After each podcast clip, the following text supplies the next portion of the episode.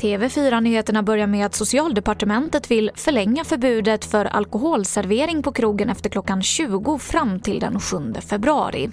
Det här framgår av en remiss från departementet. Och regeringen väntas fatta beslut om alkoholförbudets eventuella förlängning senare i veckan. I några av landets regioner så kan man börja ana en liten ljusning i coronamörkret. I exempelvis Uppsala så ser man just nu en minskning av antalet positiva provsvar.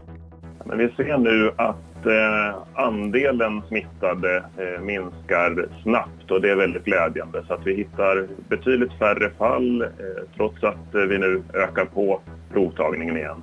Och det sa Fredrik Zettergren som är chef på provtagningsenheten i Uppsala. Och jag avslutar med att närmare 59 000 personer har anmält sig till högskoleprovet i vår. Provet är tänkt att hållas den 13 mars och den 8 maj. Och för att förbättra förutsättningarna så anordnas mer smittskyddssäkra prov. Men beroende på coronapandemin så finns det dock risk att provtillfällen måste ställas in helt eller på vissa orter.